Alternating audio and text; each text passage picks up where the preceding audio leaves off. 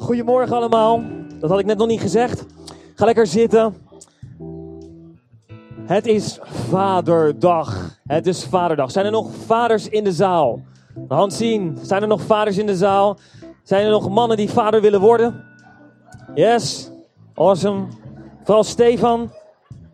Net vers getrouwd. Helemaal klaar voor. Volgend jaar mag jij hier zingen, Steve. Volgend jaar mag jij hier zingen. Wauw. Hey, um, guys, goed dat je gekomen bent. En uh, op Vaderdag, deze dag, um, wil ik een bijzonder woord met je spreken. En uh, de titel die staat uh, zo op het scherm. En het heet eigenlijk Zo word je een superhero pa. Zo word je een superhero pa. En ik weet niet wat, de, wat voor herinneringen jij aan je eigen vader hebt. En wat je misschien voor herinneringen aan Vaderdag hebt. Maar je zag het hier eigenlijk gebeuren. Op een gegeven moment zei ik ook, oeps. Ik weet niet of je dat nog hebt gezien. Maar weten jullie die tekst ook, wat je daar moet zingen? Dat is nou niet alleen veel, dank je, weet je voor, voor het respect, maar ik zal hem even voorlezen. Want dit zijn teksten die je als vader gewoon niet wil dat die gebeuren. Met je kleine dochter. Als de lente komt en als ik dan verliefd ben. Uh-uh. There is no love in your life. Only daddy's love, you know? En daarna, en daar ging het dus mis, als de liefde komt, en ik weet het zeker. Met andere woorden, ik ben er kwijt. Mm, uh, uh. Voorlopig niet, voorlopig niet. Dus die regel zingen we niet, hè? Dat doen wij uit protest. Nee, dat deed ik niet expres hoor. Ik was gewoon echt even, even vergeten. Maar hè, ze doen het ook wel eens in de kerk. Dat als je een worship nummer ziet, dat je denkt, denkt van, dit kan ik nu niet zingen. Dat heb ik nu niet op mijn hart. Weet je, dan houden we ook onze mond. Zo is het met dit ook. Zo, weet je, als vader zijnde kan het soms zijn dat je wat dingen moet slikken. Maar weet je, kinderen, kids hebben ons zo ontzettend hard nodig. En papa, als jij hier zit, jouw kids hebben jou ontzettend hard nodig. En ik weet dat het vaderdag, Wen zei het al, soms heel gevoelig kan zijn. Het is inderdaad zo. Ik sprak met iemand waarbij ze op een school, en misschien is het wel ook een school waar jouw kinderen op zitten. Dat ze erover vergaderd hebben om misschien vaderdag maar gewoon te skippen. Er geen aandacht aan te besteden. Om de werkjes niet meer voor pa te maken. Omdat er zoveel ja, kapotte situaties zijn. Maar weet je, ik denk als we dat zouden doen. En ik snap dat we kids de pijn willen besparen. Ik snap dat we over bepaalde onderwerpen liefst willen vermijden. Omdat we ook op zondag. Ik had ook voor kunnen kiezen om een ander woord te brengen. Maar weet je wat we dan doen? Dan gaan we voorbij aan wie God wil zijn voor jou. Want God heeft het gezin gemaakt. Hij heeft een vader gemaakt en een moeder gemaakt. En daar komen kinderen uit. En God heeft de mens gemaakt naar zijn beeld. Dus hij heeft iets bijzonders in de vader gelegd en iets bijzonders gelegd in de moeder. Wat wij mogen doorgeven aan de kinderen. En hier zit gelijk, tegelijkertijd de redding in. Want als je uit een situatie komt waar pa is weggelopen. Of als je uit een situatie komt waar misschien pa is overleden. Waar pa en ma niet meer bij elkaar zijn. Weet je, God is de echte vader. En hij heeft jou een, een aardse pa en ma gegeven. Waardoorheen hij zijn liefde aan jou wil geven. Waardoorheen hij zijn wijsheid aan jou wil geven. En dat betekent dus dat als er tekort is geweest, dat God het kan aanvullen op buitengewone, bijzondere, andere manieren. En ik wil met je kijken naar een paar ja, hele mooie dingen gewoon hierover vandaag. Maar ik hoop dat je, dat je me hoort. Weet je, en ik hoop dat je hart open ook is over dit. En dat het niet, um, weet je, dat je niet je hart sluit. Maar dat je je hart wil openen om God te ontvangen deze ochtend. En God echt gewoon als vader te, te, te ontvangen en te omarmen. Weet je, de Bijbel spreekt over in Psalm 68, vers 6 zo duidelijk. Hij is een vader voor ouderloze kinderen. En hij komt op voor de rechten van de weduwe. Hij is God die woont in zijn eeuwig huis. In het Engels staat hier Father to the fatherless. Als jij hier bent en je zegt, ik heb gebrek gehad aan een vader in mijn leven. Of ik heb een vader gehad die er niet voor me was. Of een vader die een verkeerd beeld heeft neergezet. God is jouw vader. En hij wil vandaag zijn vaderhart aan jou openen. En hij wil zijn vaderhart vandaag aan jou laten zien. En ik hoop dat je hart open is om te ontvangen wat hij wil doen. Weet je, als we naar die video kijken, we moesten er een beetje om lachen. echte vaderdingen, papa-oplossingen. Ik weet niet hoe dat bij jullie uh, thuis gaat. Ehm, maar ik herken wel wat dingen. Nou sta ik niet echt met een kettingzaag en een, een kip te, te snijden of zo. Maar pa en ma zijn wel verschillend. Ma is toch, met respect ook naar Wen, ze is er niet, dus nu mag ik alles zeggen. Weet je, maar ze is wat voorzichtig. En ik denk dan vaak, ah joh, komt wel goed. En dan valt Zack een keer en dan is het, oh Zakkie, komt goed. En ik denk, ah joh, weet je, hij moet juist een keer vallen, daar leert hij van. Weet je, dat, weet je dat? Dus pa en ma zijn ook wel echt, echt wel een klein beetje anders. En kinderen kijken naar de voorbeeldrollen. Ze kijken naar ma en ze kijken naar pa. En zo kijken jongens naar pa en ook kijken meisjes naar pa.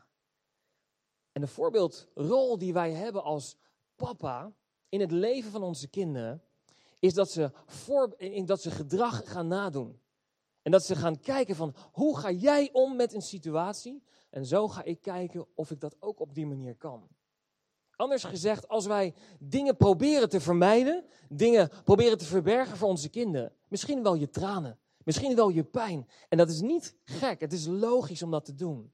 Maar als je je kinderen het nooit meegeeft, dan zullen zij ook moeite hebben om dat zelf daarmee aan de slag te gaan. Om het zelf een plek te kunnen geven. Als je verdrietig bent, is het oké om een traan aan je kind te laten zien. En te zeggen, dit raakt papa ook meisje. Papa vindt het ook moeilijk. En soms kunnen zeggen van, ik vind dit ook niet leuk. En, maar ik kies ervoor om. Of ik doe en ik ga op deze en deze manier mee om. Weet je, kinderen kijken naar jou als ouder. En ik wil dat niet alleen op de vaders betrekken, maar ik wil ook echt naar de moeders kijken. Weet je, als het moederdag is, hè, en ik weet niet ehm, of je dat herkent, maar moederdag is altijd een groot feest. Weet je, we houden van mama's en mama is lief, mama is speciaal en mama, er komen allemaal cadeaus tevoorschijn en weet je, ah, koetje, koetje, koetje, weet je zo, we houden van mama.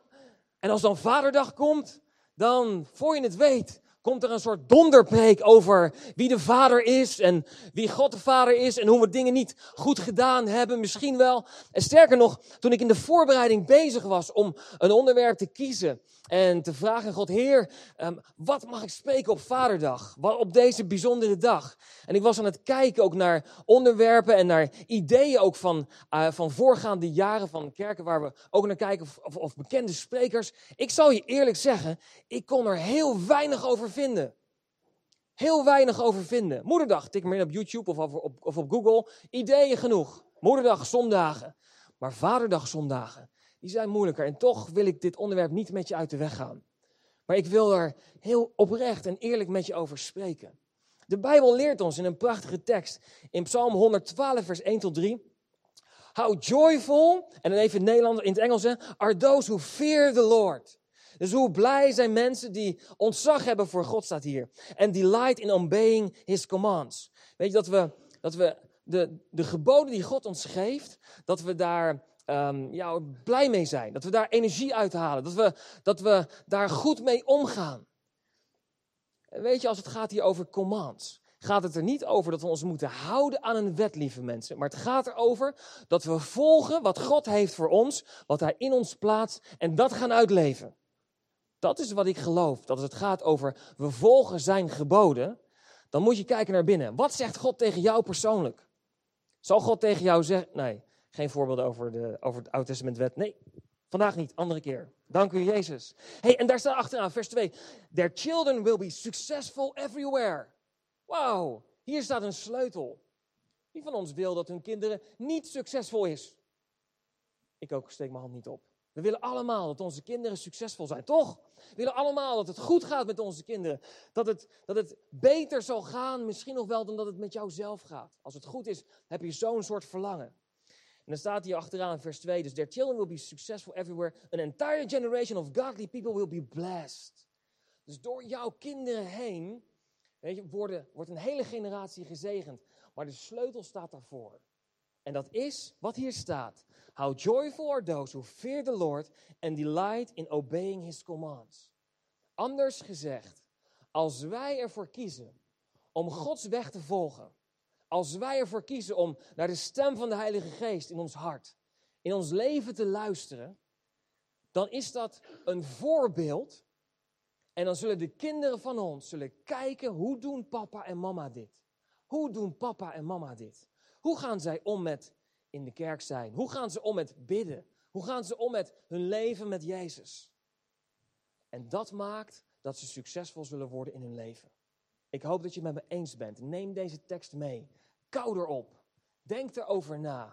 En vraag aan God, Heer, hoe is het met mij? Hoe is het met ons? En ik hoop dat dit woord, en ik ga het regelmatig zeggen, dat je hier geen veroordeling in hoort, maar dat je hier liefde in hoort.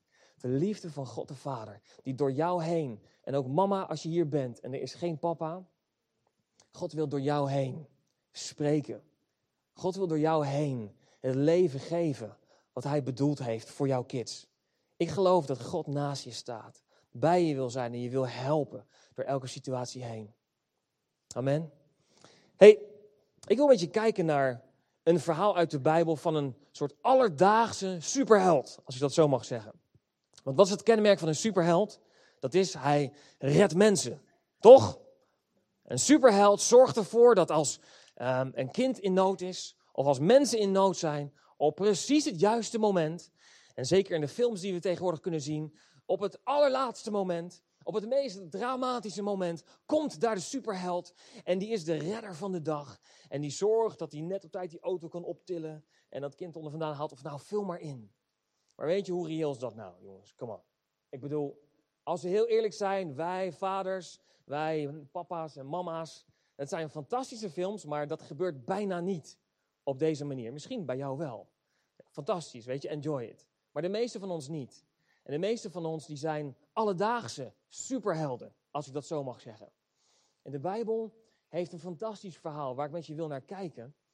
Wat ons leert wat een alledaagse superheld doet in het leven van zijn kinderen, in dit geval in het leven van zijn dochter, waardoor er verschil ontstaat en dat ze van de dood wordt gered. Voordat we dat gaan doen, wil ik nog één gebed uitspreken. Lieve Jezus, dank u voor vandaag, dank u voor deze heerlijke atmosfeer. En Heilige Geest, ik bid dat u de ruimte neemt vandaag op dit moment. Heer, we willen spreken over het hart van de Vader. We willen spreken over het hart van God de Vader. En ik bid, Heilige Geest, dat u door de ruimte gaat. Heer, willen ons hart openen om te ontvangen wat u wil spreken. Ik bid dat u ons aanraakt. Ik bid dat u geneest. Dat u komt met herstel in de naam van Jezus. En ik bid, Heer, dat als er pijn is op het gebied van vaders, dan bid ik, Heer, dat u het aanraakt in de naam van Jezus. Op het juiste moment. En Heer, dat we u zullen toelaten, Heer, in de ruimtes in ons hart, in ons leven, waar we u zo hard nodig hebben. In de naam van Jezus. In Jezus' naam. Amen. Hey, misschien heb je het al door waar het over gaat, maar dit gaat, verhaal gaat over het dochtertje van Jairus. Misschien ken je het verhaal in de Bijbel en ik wil het met je lezen. En daarna gaan we kijken welke punten we hieruit kunnen halen om ervan te leren. Want weet je, ik wil heel eerlijk zijn met je. Ik ben geen perfecte vader. En ik sta hier met Joy te zingen en het ziet er schattig uit. En um, weet je, we houden van elkaar. En de, de, de, Henk gaf nog de mic aan haar en zei... Jij hebt vast de allerliefste vader. Ja, zei ze toen. En ik krijg ook heel fantastisch mooie lieve vaderdag cadeautjes. Ben ik ontzettend blij mee. Weet je, en dat is ook daar. Maar bij ons thuis is het ook gewoon een normaal gezin. Dus deze ochtend heeft de Zek ook gewoon op de trap gezeten, omdat hij stout was. Zo doen wij dat, hè. Wij hebben de stoute trap. Dus als hij drie is, weet je, en hij is stout, moet hij op de derde tree drie minuten zitten. Weet je zo. Nou, dat is niks voor Zek. Oh, wat vindt hij dat moeilijk? Joyce is daar veel makkelijker in. Maar uh, kijk, Joyce is wat ouder, weet je, dus daar kan je al veel meer gewoon mee praten. En, nou goed, maakt niet uit. Uh, dit is, opvoeding is weer een ander ding. Maar wat ik je wil zeggen, is ik wil hierin heel graag naast je staan. En ik wil geen veroordeling uitspreken, maar ik wil gewoon met elkaar kijken, net alsof dit een soort grote bijbelstudieclub is. Ik wil met elkaar duiken in Gods woord en kijken wat we daaruit kunnen halen aan punten, wat we kunnen leren, hoe deze alledaagse superheld omging om uiteindelijk te zorgen dat zijn dochter gered werd. We lezen in Marcus 5, vers 22 tot 43 en maken halverwege een sprongetje. Komt ie. Er kwam een leider van de synagoge naar Jezus toe en zijn naam was Jairus. En toen hij Jezus zag, liet hij zich voor Jezus op zijn knieën vallen en smeekte hem: Mijn dochtertje is heel erg ziek en ze zal sterven. Kom alsjeblieft mee en leg haar de handen op, dan zal ze beter worden en in leven blijven. En Jezus ging met hem mee en de mensen volgden hem en drongen om hem heen. Zo staat het hier. Nou komt hier een fase tussen waar we zien dat Eh, de Bijbel spreekt over de bloedvloeiende vrouw. Het was een dame die was ziek en die ging naar Jezus toe, raakte hem aan. Jezus um, zag het niet, maar die voelde dat er kracht van hem uitging. En hij had iets van, hé, hey, wie heeft mij aangeraakt? Hij draaide zich om, keek naar de vrouw. En de vrouw die uh, zei, ja, ik was het geweest. En hij was blij, de vrouw is genezen. Weet je, hij eh, sprak nog een zegen voor uit. En, maar dat stuk wil ik niet over hebben. Ik ga het echt over een stuk van Jairus' dochtertje hebben. Maar dit staat hier tussen, dus dat is even een korte samenvatting. 35. Op dat moment kwam er iemand uit het huis van de leider van de synagoge naar Jairus toe. Dus Jezus ging naar Jairus toe. Hij ging met hem mee. En toen werd hij opgehouden door die dame die hem aanraakte, die Jezus aanraakte.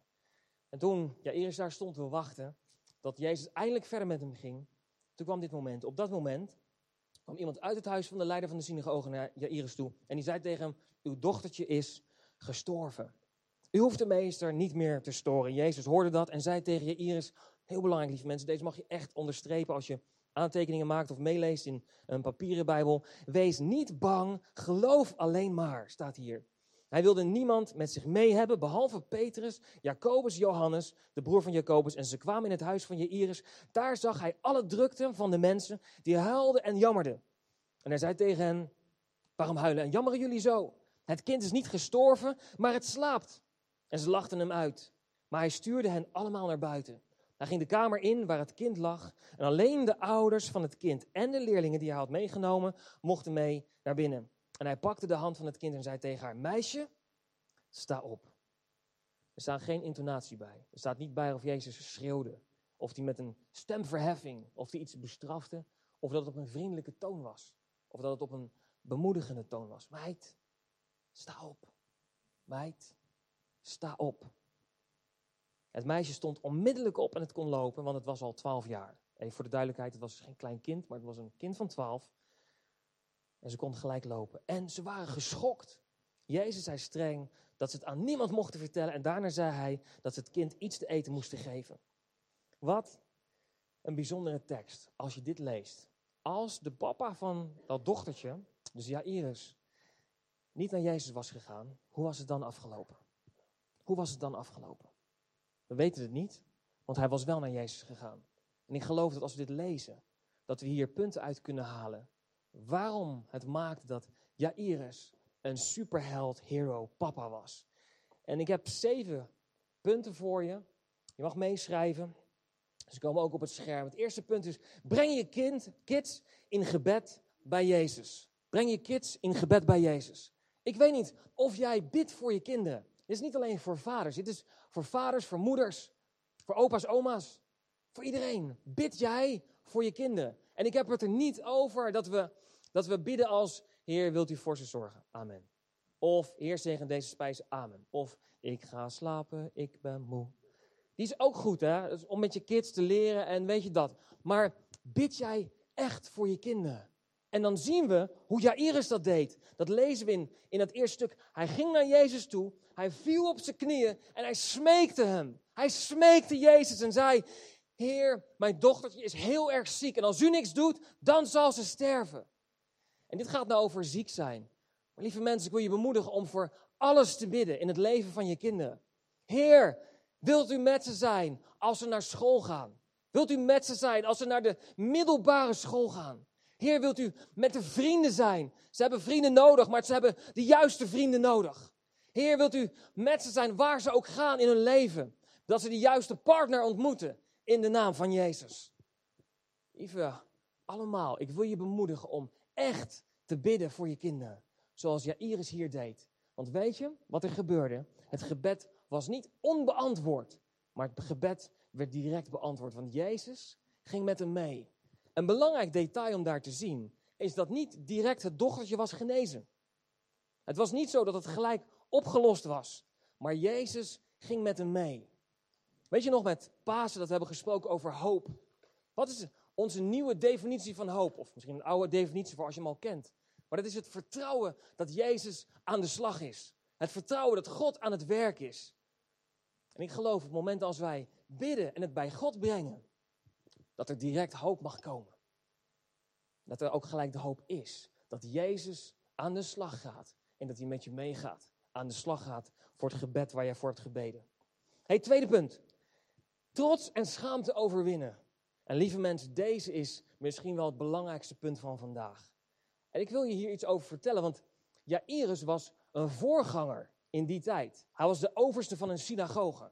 En voor degenen die de Bijbel um, wat vaker lezen, die weten dat Jezus niet bepaald vrienden was met de fariseërs en de schriftgeleerden.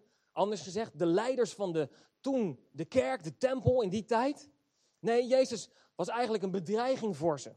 Sterker nog, degene die de aanzet hebben gemaakt dat Jezus zou sterven aan het kruis, ondanks dat het het plan was van God, dat waren de fariseërs en de schriftgeleerden. De religieuze mensen. Zij wilden Jezus uit de weg ruimen. En als we hier kijken, dan zien we dat Jairus eigenlijk tot die groep mensen behoorde. En hoe bijzonder, hoe extra bijzonder is het dan dat Jairus als vader zijnde al zijn trots opzij legde.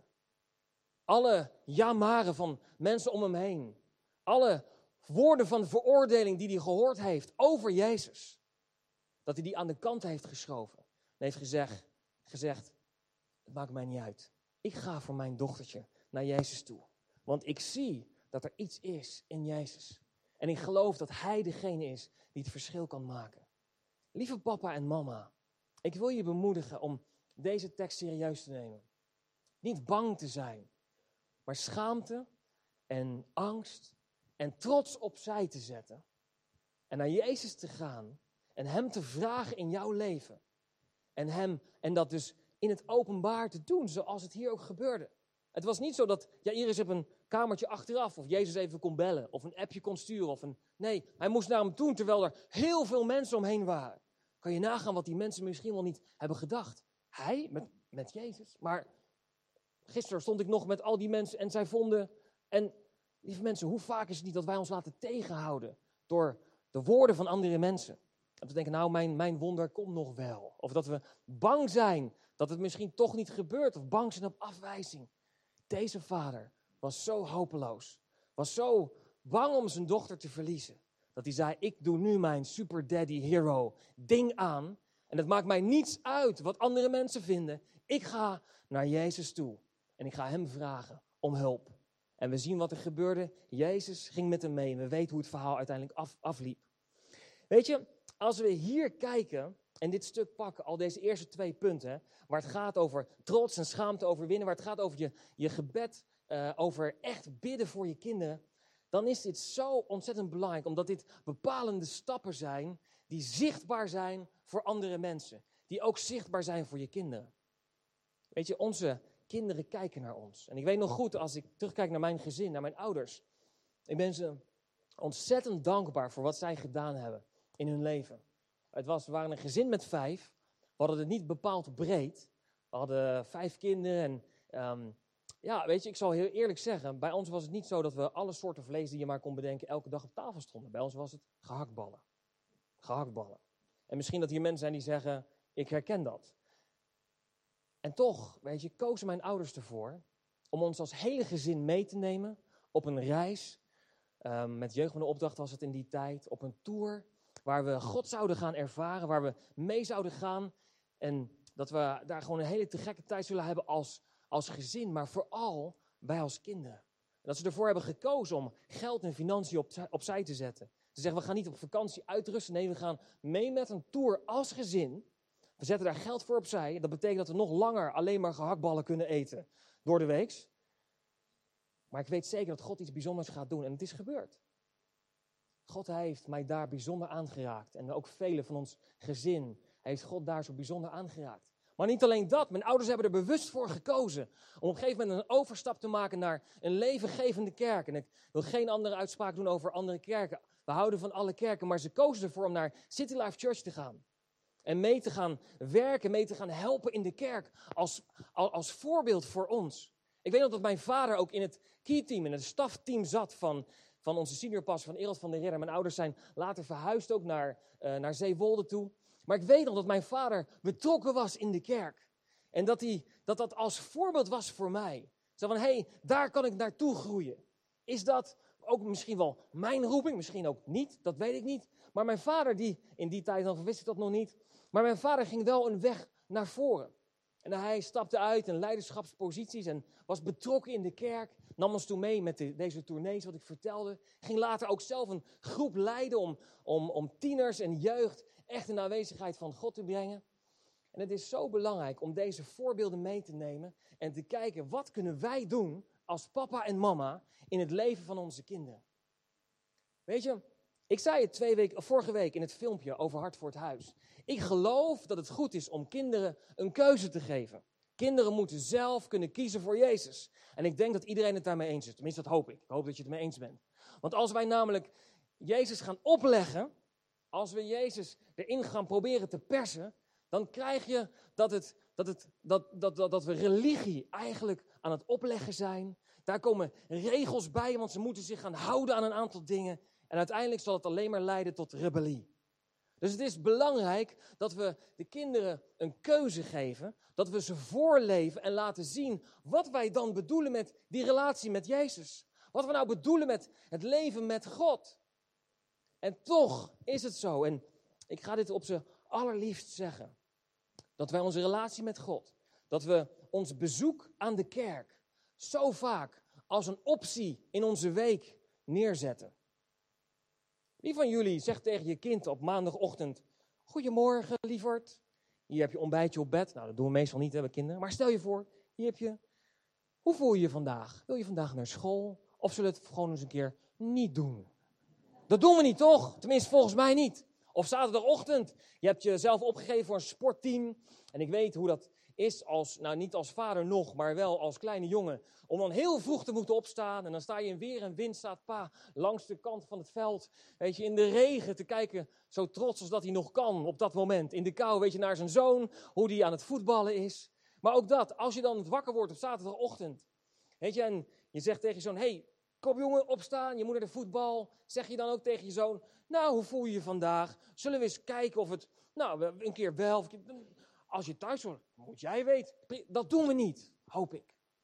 En toch is het bij heel veel mensen in onze omgeving, is de kerk, aanwezig zijn in de kerk, wordt gezien als een optie.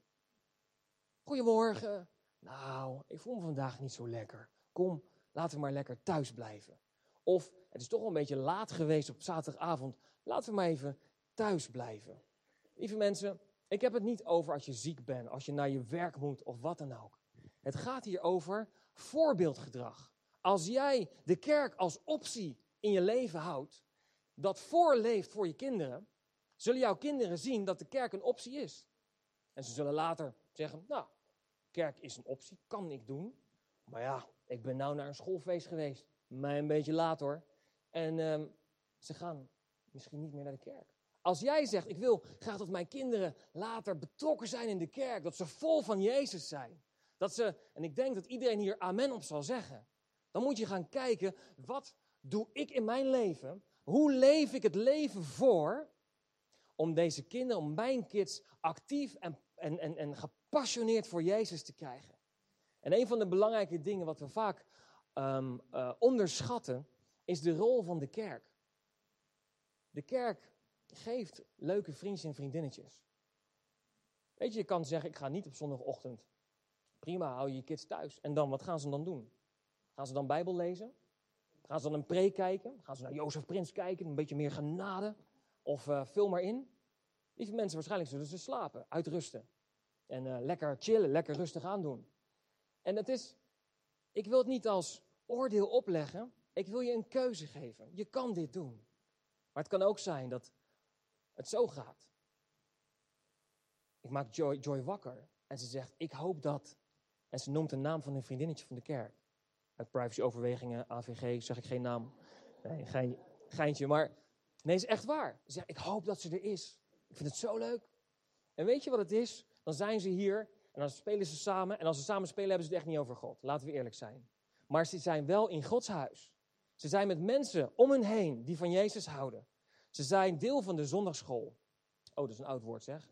Ze zijn deel van de Kids Church. Zo noemen we dat hier, City Life Church, jongens. Kids Church. Yo. Sorry, het verraadt mijn leeftijd, hè, lieve mensen. Ja. Maar ze zijn deel van Kids Church. Ze horen over Jezus. En ze hebben vriendinnetjes en vriendjes, waarvan hun papa en mama ook naar de kerk gaan. En dat gaat verschil maken in hun leven. Weet je, ik hoop dat je die keuze kunt maken voor jezelf. Om het leven voor te leven voor je kinderen. Kerk niet als optie te hebben. Je leven met Jezus niet als optie te hebben. Maar dat je het echt omarmt en voorleeft. En weet je wat nou zo goed is om te doen? Want wij denken namelijk, en hier komt een soort, soort, soort superhero-syndroom komt voorbij. Wij papa's, en mama's misschien ook wel, willen niet falen. Willen niet falen in, het oog, in de ogen van onze kinderen. Maar het belangrijke is om ze mee te nemen in de journey die ze gaan. En dat als jij vragen hebt, als jij een traan moet laten, als jij het niet weet, als jij geen zin hebt om op zondag naar de kerk te gaan, omdat het super laat is geweest op zaterdagavond, dan zeg je niet big smile, fake, weet je wel, van eh, let's go. Nee, zeg je, papa is ook moe. Oh, papa zou ook wel lekker blijven, willen blijven liggen. Maar nee, papa gaat naar de kerk, want ik weet zeker dat Jezus iets wil zeggen tegen ons. Ik weet zeker dat ik een zegen kan zijn voor andere mensen. Vorige week gehad over my one thing. Ik geloof dat God elke week een one thing wil geven aan je. En misschien wel meer dan één. Ik wil je bemoedigen om daarvoor te gaan. Om daarvoor te rennen. hey, omwille van de tijd gaan we verder. Nummer drie. Laat je niet ontmoedigen, maar vertrouw. Laat je niet ontmoedigen, maar vertrouw. Weet je, wat we hier zien gebeuren is dat Jairus had Jezus gevraagd. Jezus ging met Jairus mee en dan ineens komt die andere vrouw. Super fijn natuurlijk hè, voor die dame dat ze ook genezen is. Maar Jezus, even vanuit de context van Jairus, vanuit zijn ogen, Jezus werd opgehouden. Hij stond stil, hij draaide om en hij vroeg naar het verhaal van die vrouw. Nou, weet je, de Bijbel leert ons in dat stukje dat die vrouw deed het hele verhaal, staat er. Nou, wie van ons weet dat als een vrouw, met respect lieve mensen, haar hele verhaal doet, nou, zet die koffie maar klaar. Pak de thee en de koekjes er maar bij. Of wat voor stereotype je ook wil doen. Maar een vrouw kan echt de tijd nemen om haar verhaal te doen. En ze had nogal een verhaal, want deze dame was al twaalf jaar ziek. Ze was genezen, dank u Jezus. Maar kan je nagaan wat voor lang verhaal dat moet geweest zijn. En Jairus die stond daar maar, een beetje ongeduldig. Ja, maar uh, uh, uh, is het misschien nu... En weet je, het is zo belangrijk om toch in deze situatie te blijven vertrouwen. En dan komt het moment van de definitieve ontmoediging. Want dan ineens blijkt dat haar, zijn dochtertje is overleden. En iemand komt naar je Iris toe en die zegt: Ja, Iris, stop maar. Het is al te laat. Je dochter is overleden, het is klaar. Val Jezus maar niet meer lastig. Misschien ken je deze stem uit je omgeving. Dat je hebt gebeden en gehoopt voor iets.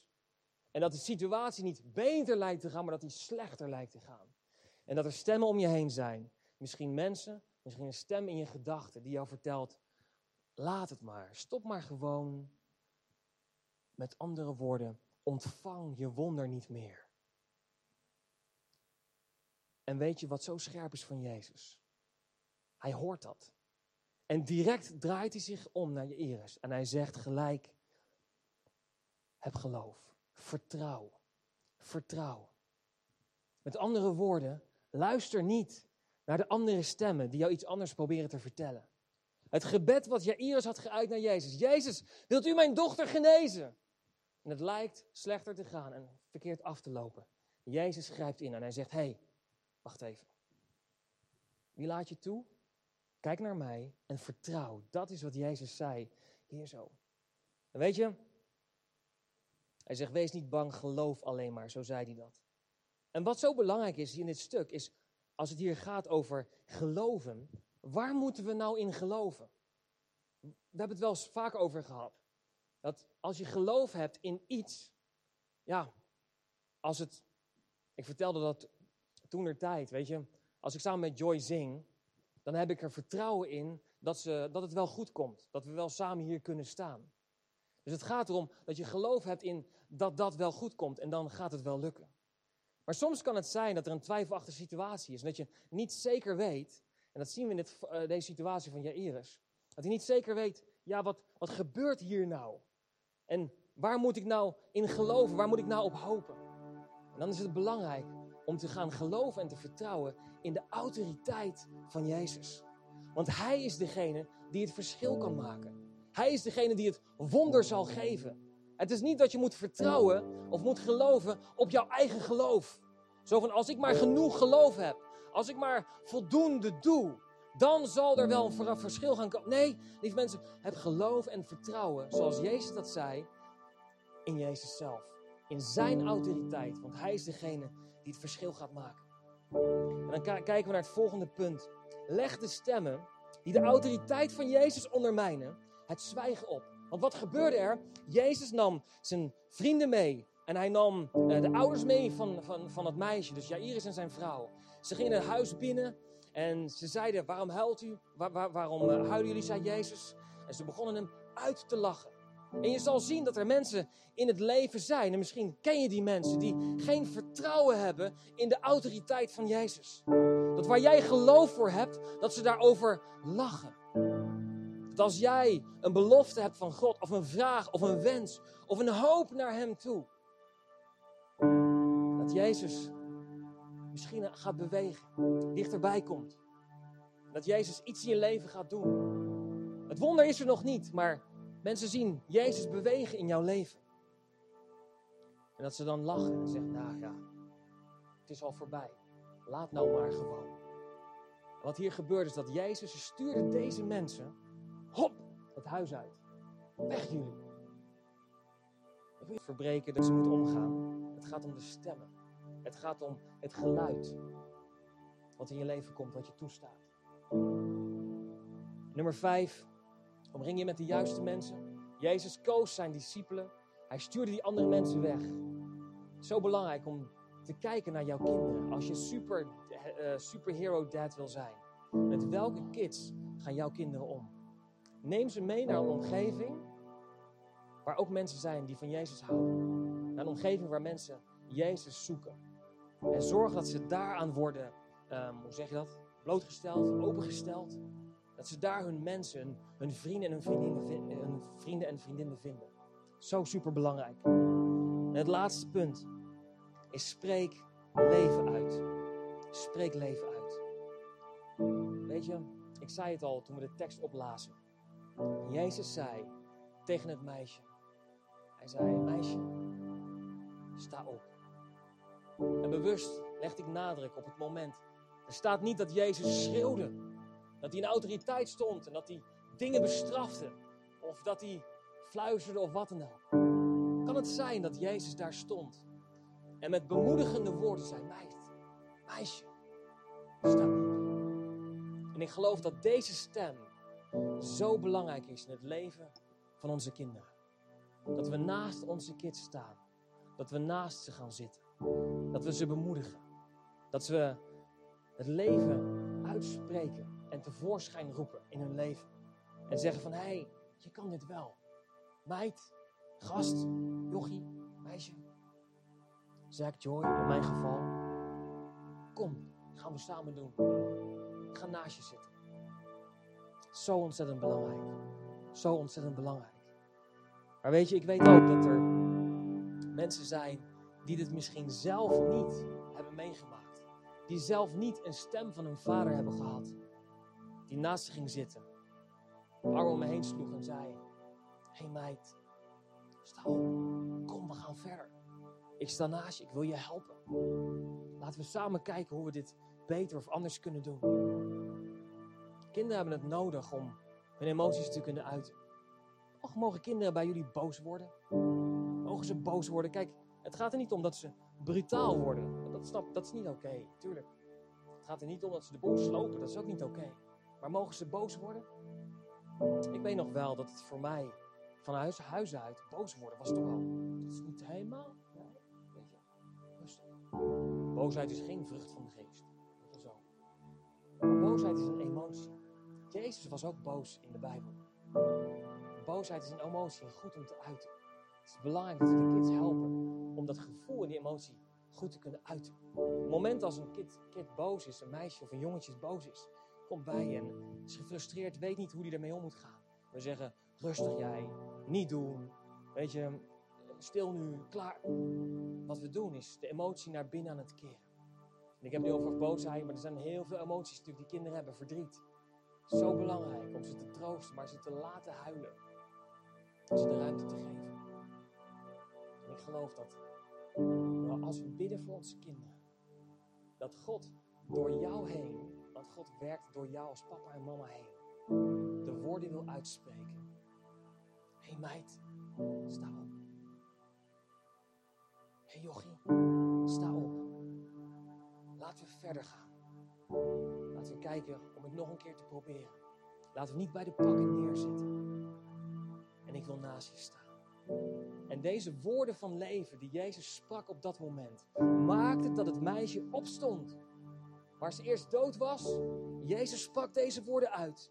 En haar lichaam kwam tot leven. En ik geloof dat de autoriteit die God ons geeft, dat wij dingen in het leven van onze kinderen tevoorschijn kunnen roepen. Dat waar dromen uitgeblust zijn, waar de potentie is stilgelegd, waar er negatieve woorden zijn uitgesproken op school of door een onderwijzer of wat dan ook. Dat wij als ouders in staat zijn om God door ons heen te laten spreken en te zeggen: Hé hey meid, hé hey jochie, sta op. En dat het leven van God opnieuw gaat leven. En dat de toekomst van het kind opnieuw gaat opstaan. Maar het is zo belangrijk dat we eerst naar onszelf kijken. En zeggen, Heer, wat moet er bij mij gefixt worden? En ik weet, we zijn niet perfect. Ik sta hier ook als niet perfecte vader.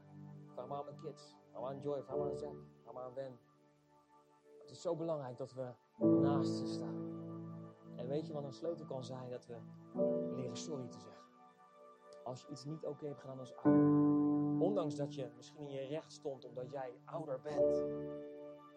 Durf je naar je kids te gaan en te zeggen: hey, sorry meid. Wat papa zei, wat papa deed, is niet oké. Wil je me vergeven? En direct erachteraan. En nu we toch met elkaar spreken, heb ik toch nog wel even een lijstje van. Nee, nee, nee, ik maak een geintje.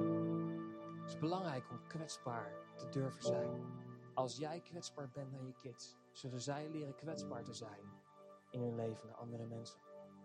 Kinderen kijken naar je als papa en als mama. Hoe je praat over elkaar. Hoe je praat als ze er niet zijn. Hoe je praat over de kerk. Hoe je praat over God, over Jezus. En hoe je praat over hen. En ik wil je bemoedigen om de juiste woorden te gebruiken. Leven te geven. En positieve woorden uit te spreken over je kids. We hebben met elkaar gekeken naar deze zeven punten. Waarbij ik geloof dat als je dit toepast. En het is misschien voor sommigen makkelijk, voor sommigen is het, wist ik al. Maar voor sommigen kan het gevoelig zijn. Ik spreek over je uit dat God je aanraakt. En dat je deze zeven punten kan toepassen in je leven. Om uiteindelijk een superhero daddy te zijn. Superhero mommy te zijn. Want ik geloof dat dit voor ons allemaal geldt. En dat God ons geroepen heeft als papa en mama om verschil te maken in het leven van onze kinderen. En als laatste wil ik over je uitspreken. Als je hier bent en je hoort dit, dan is het belangrijk dat als God door jou heen werkt, dat je Hem ook als vader omarmt. En dat ook Hij door jou heen deze liefde kan uiten. Op het moment als je zelf het niet eerder ervaren hebt, als je niet een relatie hebt gehad met je eigen vader, of als er dingen anders gelopen zijn dan dat je had gewild, dan kan het zijn dat er voor jou een blokkade zit. En misschien als je hier zelf als vader zit, dat je zegt: Ik vind het moeilijk om mijn emotie te uiten naar mijn kinderen. Ik vind het moeilijk om mijn kinderen op te voeden, om ervoor te zijn of wat dan ook. Weet je, er is altijd een nieuwe kans. Ik geloof dat vandaag jouw moment mag zijn om een nieuwe start te maken. En te gaan tappen bij de bron. Bij God de Vader Hemzelf. En Hem toe te laten in je leven.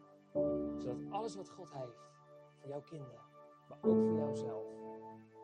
Om dat helemaal te ontvangen, zodat je dat kan gaan doorgeven door anderen. Zullen we gaan staan?